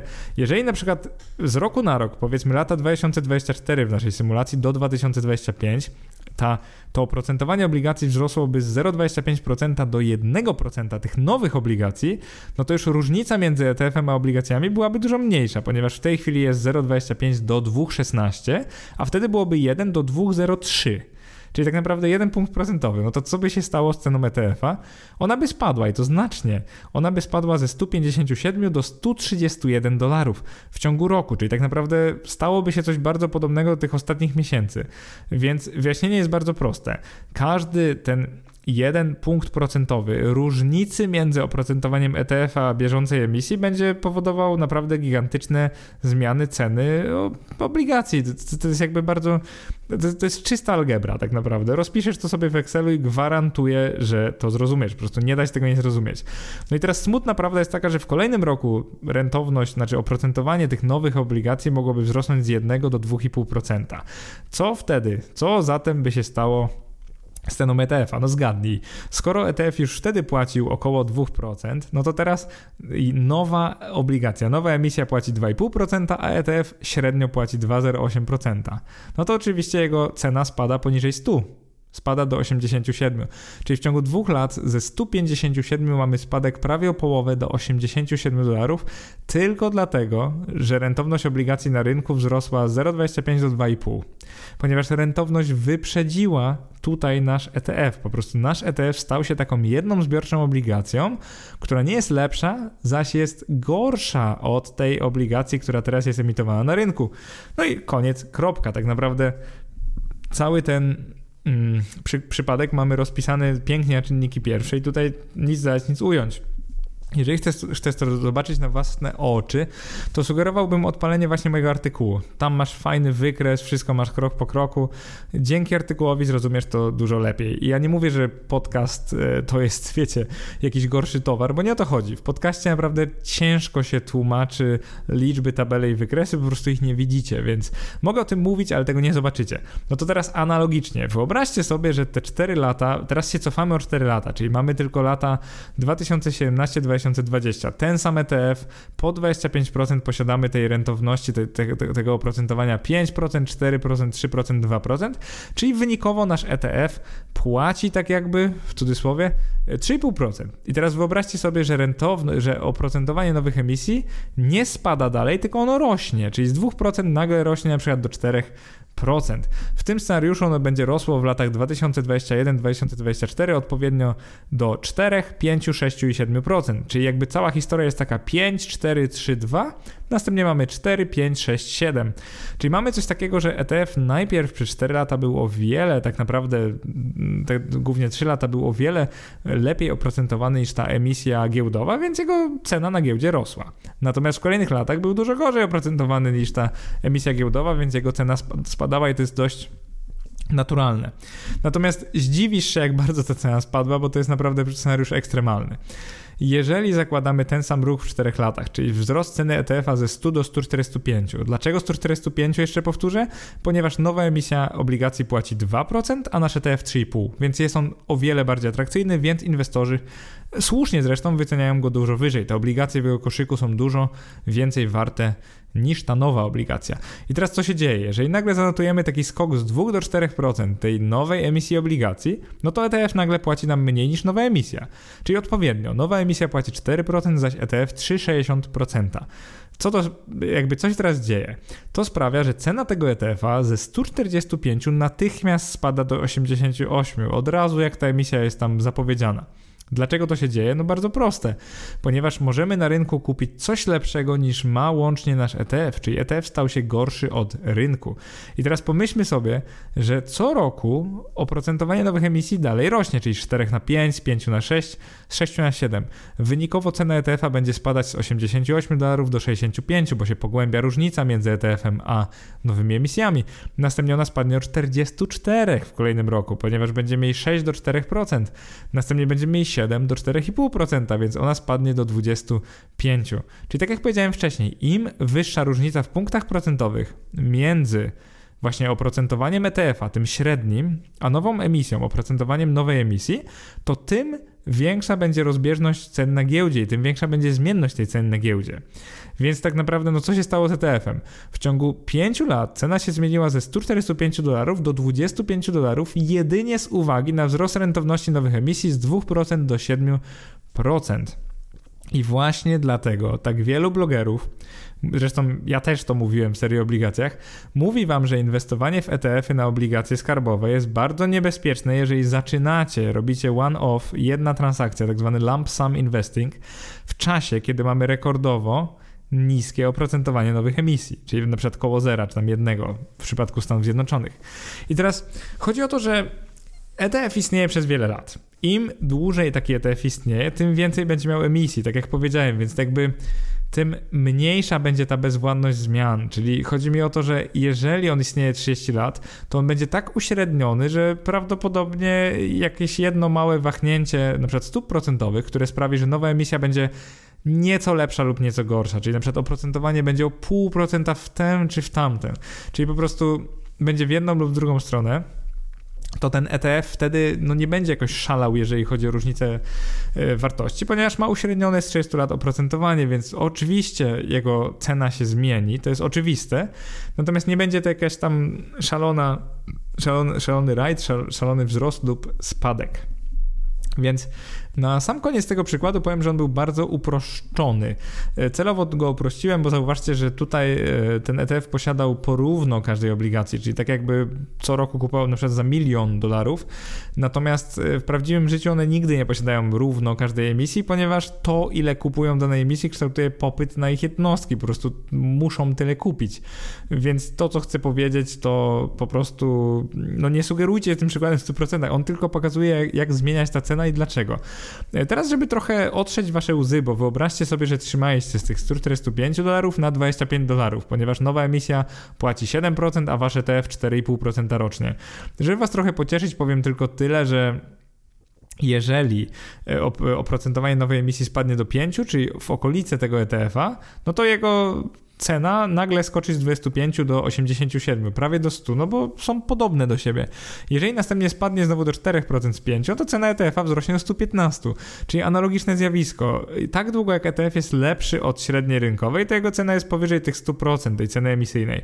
Tak długo jak ETF jest gorszy, to jego cena jest poniżej.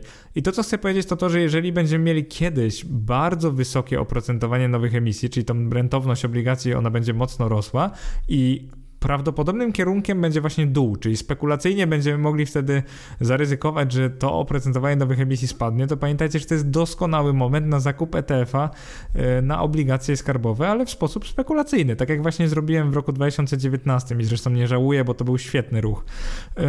To, co chcę powiedzieć, to to, że jakby dlatego was ostrzegają blogerzy i influencerzy finansowi przed ETF-ami na obligacje, dlatego, że oprocentowanie nowych emisji jest rekordowo niskie i tak, i tak naprawdę nie ma za bardzo gdzie spadać. I to jest główna lekcja, którą chciałbym, żebyście wyciągnęli z tego podcastu. Jeżeli to zrozumiecie, to wydaje mi się, że rozumiecie temat naprawdę dobrze. No i zapamiętajcie też, że jeżeli chcecie kiedyś spekulować na obligacjach, no to bardzo fajnie można to robić za pomocą ETF-a, bo właśnie on sobie tam uśredniał, jest jakby gorszy od e, takiej no, nowej obligacji na rynku i na przykład będzie kiedyś wyceniany za jakąś taką śmieszną cenę, mniej niż połowę jego wartości, tej początkowej, no to pamiętajcie, że to też może być dobra okazja, żeby go kupić, no bo jakby w efekcie szansa jest większa, że oprocentowanie nowych emisji spadnie, a więc wy zarobicie spekulacyjnie na tym wzroście tej ceny. Więc no, co, co można powiedzieć? Z czego w ogóle wynika problem z bardzo dynamicznymi zmianami cen funduszy ETF na obligacje, które właśnie ostatnimi czasy obserwujemy? Teraz taki trochę podsumowujący materiał. Pierwszy punkt to jest im dłuższy jest okres życia, czyli czas trwania obligacji, tym drastyczniej na ich ceny wpływa zmiana oprocentowania kolejnych, czyli tych nowych emisji. Tak naprawdę rentowności, no bo rentowność to jest wynik oprocentowania i ceny. Sprawia to, że w erze niskich stóp procentowych najwyżej oprocentowane obligacje 30-letnie tworzyły najbardziej ryzykowne ETF-y na obligacje. Czyli ci, którzy mówili wam, kupcie te najdłuższe terminy obligacji, no to nie pomyśleli trochę o tym, że to, to te ETF-y będą najbardziej dostawać, jeżeli rentowność zacznie skakać. Z drugiej strony, jeżeli byście kupili bezpośrednio te obligacje, no to przecież byście mogli poczekać te 30 lat, no tak pół żartem, pół serio, ale naprawdę moglibyście poczekać i byście otrzymali swoje 100 dolarów. Więc to jest zupełnie co innego, że inwestujecie bezpośrednio, a pośrednio przez ETF-y w obligacje skarbowe. Drugi punkt to jest, im dynamiczniej zmieniają się stopy procentowe, czyli tutaj ważna jest ta prędkość zmian, na przykład w ciągu roku 1-1,5%, e, czyli rentowność obligacji się zmienia, to tym dynamiczniej będzie się zmieniać cena jednostki funduszu ETF, który w nie inwestuje. To jest bardzo proste i wam to wyjaśniłem. Ponieważ jeżeli ETF sobie uśredniał przez lata jest na nie wiem 1%, a nagle skacze nam nowa emisja o 2%, no to jak to bym powiedział Angol, sucks to be you, po prostu mamy pecha. No, nasz ETF straci mnóstwo wartości, ponieważ jest mało atrakcyjny w stosunku do bieżącej, tej nowej emisji obligacji. No więc lepiej kupić bezpośrednio nową emisję niż ETF-a. Kolejna sprawa. Im dłużej ETF działa na rynku, tym więcej różnych emisji obligacji siłą rzeczy ma w swoim składzie, bo tak jak tłumaczyłem, przez lata będzie kupował różne emisje z różnym oprocentowaniem, co w efekcie trochę lepiej uśrednia jego oprocentowanie, czyli jakby trochę redukuje ryzyko dynamicznego spadku wzrostu ceny jego jednostek. Oczywiście zakładając, że oprocentowanie nowych emisji jakoś drastycznie nie wzrośnie lub spadnie, więc jeżeli będziemy mieli małe ruchy, to też jakby to ryzyko jest powiedzmy zminimalizowane. I warto o tym pamiętać, dokonując inwestycji w ETF na obligacje. I teraz kolejna sprawa. Paradoksalnie, według mnie, ETF na obligacje skarbowe typu distributing może okazać się dużo lepszym, a wręcz bezpieczniejszym wyborem niż fundusz typu accumulating. No i teraz dlaczego? Powód jest bardzo prosty. Fundusz rodzaju akumulującego musi automatycznie no, wziąć te dywidendy i kupić za te otrzymane właściwie odsetki z obligacji i za otrzymane odsetki musi kupić każdą kolejną emisję, czyli niekoniecznie w odpowiednim czasie, czyli takim, kiedy to jest dla inwestora optymalne.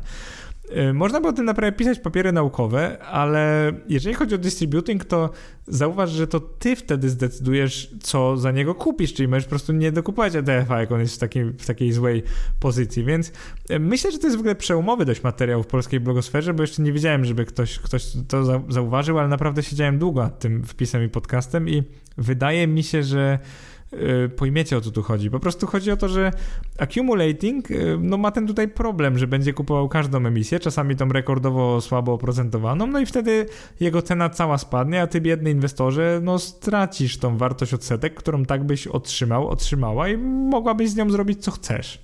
Więc jakby w pewnym sensie distributing są lepsze, jeżeli chodzi o obligacje skarbowe, niż accumulating, ale to też trzeba sobie zrobić symulację, wtedy myślę, że zrozumiecie lepiej o co tu chodzi.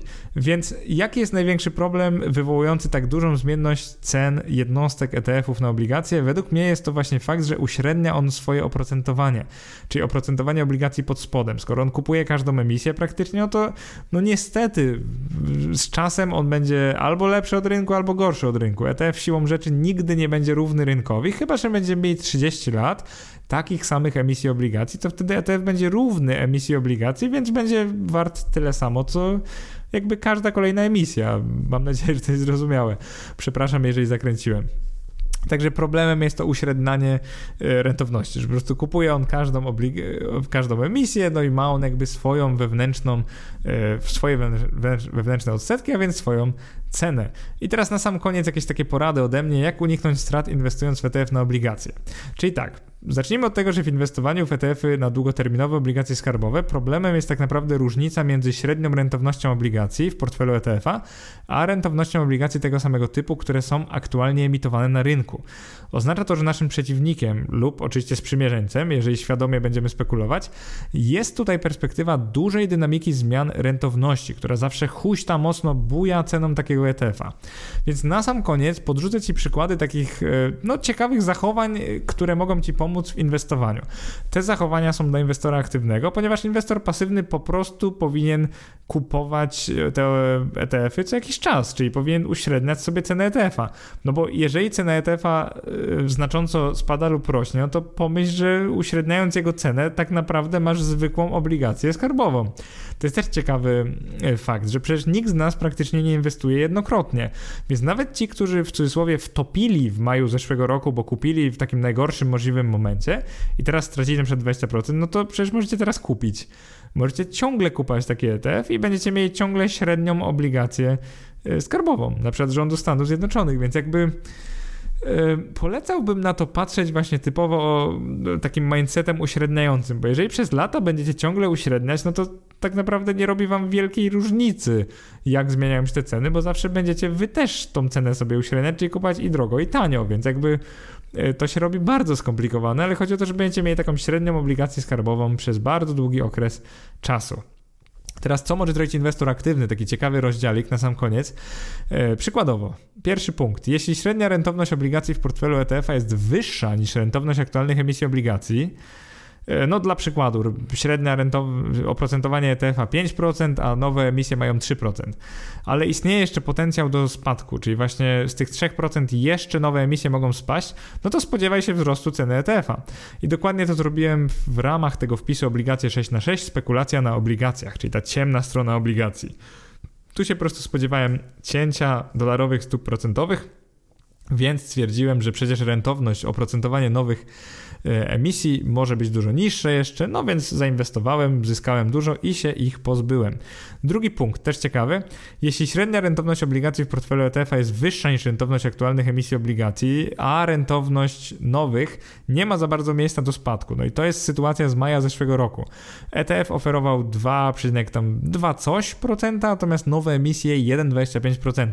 No to spodziewaj teraz spadku ceny ETF-a, bo skoro rentowność nowych już za bardzo nie ma gdzie lecieć w dół, już jest bardzo niska, no to tak naprawdę cena ETF-a może tylko spadać, ponieważ wobec każdej kolejnej emisji będzie on jakby coraz mniej wart. Tylko pamiętaj, że ten ETF już mocno wzrósł w ostatnich latach, więc jakby zwracaj uwagę na te ruchy cen ETF-a. Jeżeli ETF na obligacje skarbowe mocno rósł, to zawsze powinien ci się zapalić taki wykrzyknik albo znak zapytania nad głową, co, co tu się działo. Więc jakby sugeruję do tego trochę dociekać. Kolejny punkt. Jeżeli średnia rentowność obligacji w portfelu ETF-a jest niższa niż rentowność aktualnych emisji obligacji, no to tutaj pamiętaj, że on będzie wart mniej niż tam początkowa cena, ale istnieje jeszcze potencjał do wzrostu tej tej, tego oprocentowania rentowności nowych emisji, no to spodziewaj się, że cena ETF-a będzie dalej spadać, bo on będzie jakby coraz gorszy wobec nowych emisji. Natomiast analogicznie, jeżeli średnia rentowność obligacji w portfelu ETF jest niższa niż rentowność aktualnych emisji obligacji, ale ich rentowność za bardzo nie ma gdzie rosnąć, czyli już tam jest na 5-6% i nikt się nie spodziewa, że będzie jakaś tam e, powiedzmy hiperinflacja, która wywoła, że te obligacje będą musiały mieć taką rentowność wręcz, bo nikt ich nie będzie kupował w innym przypadku, no to możesz tu się spodziewać wzrostu ceny ETF-a, no bo z czasem on będzie coraz bliżej e, tej obecnej rentowności, więc on powinien e, wtedy rosnąć, jego cena. Ten scenariusz jest bardzo trudny do przewidzenia, powiedziałbym, że najtrudniejszy z tych czterech, ale potencjalnie najbardziej zyskowny, bo cena ETF-a zawsze no jakby szoruje pod nie, ona będzie bardzo niska wtedy. Tak zakładam, że różnica w punktach procentowych między ceną ETF-a, e, przepraszam, oprocentowaniem ETF-a, a oprocentowaniem nowej emisji może być wtedy nawet e, jakieś takie dobre kilka punktów procentowych, to, to ta cena prawdopodobnie ze 100 dolarów spadnie na jakieś tam 20-30, możemy tak przynajmniej zakładać. Jeżeli chodzi o e, największe pułapki w inwestowaniu w ETF-y na obligacje, no to pierwsza sprawa jest taka. Pierwsza w ogóle taka pułapka, jakbym powiedział, myślenie życzeniowe, polega na tym, że rentowność obligacji wcale nie musi dynamicznie rosnąć lub spadać.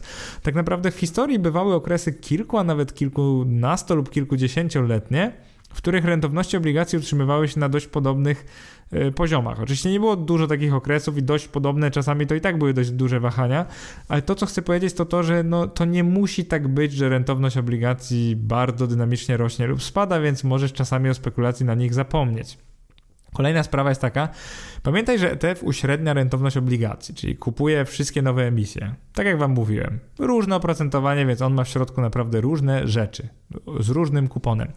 Oznacza to, że nawet bez zmiany rentowności kolejnych emisji, jego cena czyli zakładamy typ distributing, że on wypłaca nam te dywidendy, czyli otrzymane odsetki w postaci dywidend, ona będzie dążyć do 100%, czyli jakby z czasem on będzie się zbliżał do tej stałej, każdej nowej emisji obligacji. E, dajmy na to, jeżeli przez kolejne 15 lat co roku będzie rząd emitował obligację wartą 100 dolarów, która wypłaca przed 1%, no to ETF siłą rzeczy, na ile on by nie był w środku oprocentowany, on będzie się zbliżał do 1%, bo co roku będzie kupował obligacje, które mają kupon 1%, czyli ta cena bazowa e, to trochę pociesza w tym kontekście, że jeżeli mocno spadła cena waszego ETF-a na obligację, no to z czasem ona się będzie uśredniać po prostu. Ona będzie dążyć do tej e, ceny no, nowej emisji. Kolejna sprawa jest taka, że pamiętaj, że inwestowanie aktywne wiąże się z ryzykiem zablokowania sobie ruchów nawet na całe lata. Czyli to jest podobny przypadek jak wychodzenie z rynku akcji przy wysokim cenie do zysku, tym współczynniku, wskaźniku cen do zysku. To nie jest żaden święty gral inwestowania i to, co chcę powiedzieć, to to, że wysoka cena do zysku nie zawsze znaczy, że zaraz będzie krach. Może będzie, może nie będzie. Więc tutaj słusznie wielu innych blogerów i właśnie guru finansowych mówią, żeby nie sugerować się tylko współczynnikiem cen do zysku, ponieważ to nie jest gwarancja tego, że wychodzimy w dobrym momentu z rynku akcji. Po prostu historycznie może warto było tak zrobić, ale nikt nie wie, jak będzie w przyszłości. Więc y, porównuję trochę spekulacje na obligacjach właśnie z takim życzeniowym wychodzeniem z rynku, kiedy nam się wydaje, że jest wysoko i wtedy na przykład blokujemy sobie potencjał wzrostu tych akcji, no to w przypadku obligacji, jeżeli nie kupujesz obligacji przy niskich rentownościach, no to możesz być poza rynkiem przez lata, a ta rentowność dalej może być niska. Czyli to, co chcę tutaj powiedzieć, to to, że nie zawsze opłaca się uciekać z ETF-ów na obligacje, jak jest niska rentowność. E, czasem napra naprawdę warto jest dokupywać co jakiś czas, czyli no nie, że raz kupiłeś lub kupiłaś mm, takiego ETF-a za 10 tysięcy złotych i już nigdy nie zamierzasz tego zrobić, no bo to jest trochę dziwne inwestowanie. Natomiast jeżeli co roku zamierzasz kupować za 10 tysięcy, to zauważ, że cena ETF-a będzie się nawet jak dynamicznie zmieniać, to ty będziesz sobie ją uśredniać, czyli jakby z czasem naprawdę będziesz miał po prostu średnią obligację skarbową w portfelu. Więc e, tym właśnie finansowym guru, którzy tak mówią, nie, obligacje na pewno e, stracą, to jest pewna strata, bym powiedział, że przede wszystkim sama obligacja nominalnie nie może stracić, po prostu nie ma takiej możliwości. Jeżeli nie musisz jej sprzedać na giełdzie po tej niższej cenie, tylko doczekasz do maturity, czyli dojrzałości, to jest jedna rzecz. A druga rzecz to jest taka, że jeżeli inwestor pasywny dokupuje taki ETF na obligacje skarbowe, to przecież uśrednia jego cenę. Co z tego, że kupił za drogo, za tam 140 dolarów w zeszłym roku, jak teraz dokupi za 110, w przyszłym roku może za 80. Jakby to, co chcę pokazać, to to, że on będzie miał ten fundusz też za różną cenę i on wypłaca coraz to różne kupony. Jak to się robi skomplikowane, to po prostu zrób sobie teraz kolejną symulację w Excelu. Jak kupujesz taki ETF, na przykład weź ten z mojego e, artykułu, po prostu odpal sobie artykuł, Załóż, że inwestujesz w ten ETF na przykład 100 dolarów każdego roku i zobacz, co się dzieje. Nawet jeżeli jego cena no, no lata po prostu jak szalona, no to co z tego, skoro ty kupujesz po każdej cenie i też cenę sobie uśredniasz, więc jakby piękne w inwestowaniu pasywnym jest to, że w długim okresie te wzrosty i spadki cen ETF-ów na obligacje czy na akcje nie robią tobie dużej różnicy. Ty po prostu kupujesz je no matter what i nie zastanawiasz się, czy teraz jest dobry czy słaby moment. Więc z jednej strony możesz inwestować aktywnie, czyli tak jak ja zrobiłem właśnie pod koniec 2019, czyli możesz wejść na rynek, kiedy przeczuwasz, że te rentowności będą spadały i możesz wyjść z niego, jak już nie mają gdzie spadać. Także to jest jakiś taki rozsądny ruch inwestora aktywnego. Z drugiej strony mogłem wyjść, a one mogły nie rosnąć jeszcze parę lat, więc to, to też jest jakieś tam, jakieś tam szczęście, że to się udało. Więc pamiętaj, że jak spekulujesz, to czasem sobie blokujesz na długie lata e, gotówkę, jeżeli właśnie masz błędne założenia. Natomiast jako inwestor lub inwestorka pasywna, yy, pamiętajcie, że tutaj nie musicie się wiele zastanawiać. Po prostu kupujecie co roku i sobie w długim okresie uśrednicie. Tak długo, jak nikt was nie zmusza, żeby sprzedawać te papiery, to tak naprawdę nigdy nie osiągniecie no, straty z tych transakcji. Oczywiście w pewnym momencie zaczniecie wychodzić z rynku, no i wtedy na przykład pomyślcie, czy byście chcieli zamieniać ETF-y na obligacje, na przykład bezpośrednio w obligacje. Albo jeszcze inna sprawa, możecie przecież zmieniać obligacje długoterminowe na obligacje krótkoterminowe. Czyli to, co Wam mówiłem. Ceny obligacji krótkoterminowych zwyczajowo zmieniają się dużo mniej niż długoterminowych. I to jest znowu pro, prosta algebra. Obligacje krótkoterminowe trwają krócej, więc tych odsetek dostaniecie mniej, na przykład przez 5 lub 10 lat.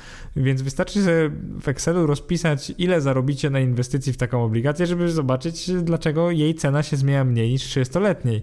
E, dlatego właśnie 30-letnia jest najbardziej wrażliwa na zmiany rentowności i oczywiście zmiany stóp procentowych, bo najczęściej to z nich wynikają rentowności. E, powiem Wam szczerze, szczerze, że czuję się teraz jak wykładowca po bardzo ciężkim wykładzie, na którym ma nadzieję, że wszystko do Was doszło.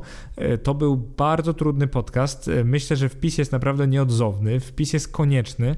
E, bardzo polecam czytać wpis. Macie tam fajne wykresy i wydaje mi się, że te wykresy wytłumaczą naprawdę więcej niż tysiąc słów. Ja się starałem mimo wszystko, żeby ten podcast był zrozumiały. Zobaczymy, jak to wyjdzie w praniu, ale wydaje mi się, że podsumowałem no, to na tyle dobrze, że e, powinieneś lub powinnaś przynajmniej poczuć e, takie podstawy tego inwestowania w obligacje, w ETF-y na obligacje, jakby rozumieć różnice i rozumieć to, dlaczego w wielu portfelach na moim blogu znajdują się na przykład obligacje EDO, czyli te polskie nieotowane na rynku, w miejsce jakichś tam innych obligacji lub ETF-ów na obligacje, które byłyby notowane na rynku. Po prostu chodzi o zmienność.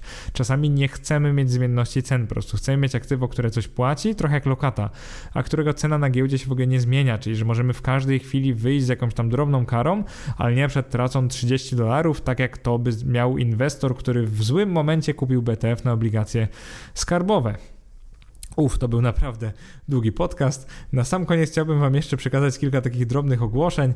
E, pierwsze z nich to oczywiście to, że mimo, że pracuję nad takim dodatkowym projektem, to już mówiłem parę razy, to mam nadzieję, że dalej e, publikuję dobre materiały. Ten podcast półtorej godziny naprawdę e, ciężko było to nagrać. Powiem Wam szczerze, nie chcę marudzić, ale staram się co tydzień wydawać, także tempo jest naprawdę zawrotne. Jeszcze jak to łączę z etatem, to jest naprawdę crazy.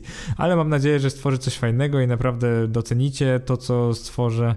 E, może przykleję na tym jakiś mały price, tak jakąś tam cenę, bo wiele osób pyta mnie, jak można mnie wspomóc, więc myślę, że po prostu wydam produkt i można będzie go kupić, więc e, najprościej tak ujmijmy to, jak można będzie mnie wesprzeć. E, póki co największym wsparciem jest, jeżeli lubisz mój podcast, wejdź na platformę Apple Podcasts, czyli po prostu w iTunes, znajdź tam Inwestomat i oceń go na 5 na 5. Najlepiej napisz jakąś recenzję. Jeżeli to dla mnie zrobisz, będzie naprawdę świetnie. W ogóle bardzo Wam dziękuję, bo tych ocen już mam chyba 130 kilka kilka. Bardzo to pomaga popularyzować ten podcast, a w ogóle tematyka inwestowania jest bardzo mało, wiecie, taka chodliwa, e, zwłaszcza w podcastach, no bo nie jest tak łatwe przekazywanie wiedzy w tej formie z tak ciężkiej dziedziny jak inwestowanie, więc mam nadzieję, że doceniacie to, co staram się tutaj robić, jakby to, co, to z czym walczę. E, więc bardzo dziękuję, jeżeli ocenicie tak pozytywnie mój podcast, wystawicie mu recenzję właśnie na Apple'u, e, będę bardzo wdzięczny. Poza tym prowadzimy grupę na Facebooku, nazywa się Inwestomat Oszczędzanie, Inwestowanie, Wolność Finansowa. W wolnej chwili zapraszam do dołączenia, jeżeli tam Cię jeszcze nie ma. I oczywiście polub mój fanpage na Facebooku, to jest nazwa tak jak sam blog inwestomat.com EU. Myślę, że to by było na tyle. Chciałbym Wam podziękować za całe wsparcie. Dostaję od Was mnóstwo fajnych maili, mnóstwo komentarzy pod wpisami, więc oby tak dalej. Myślę, że to jest moje główne paliwo napędowe, bo ten blog jest na razie tak prawie, że non-profit, jakoś tam dużo nie zarabia, więc Wy jesteście moim paliwem napędowym. Bardzo Wam dziękuję za to wsparcie, trzymajcie się i do usłyszenia następnym razem.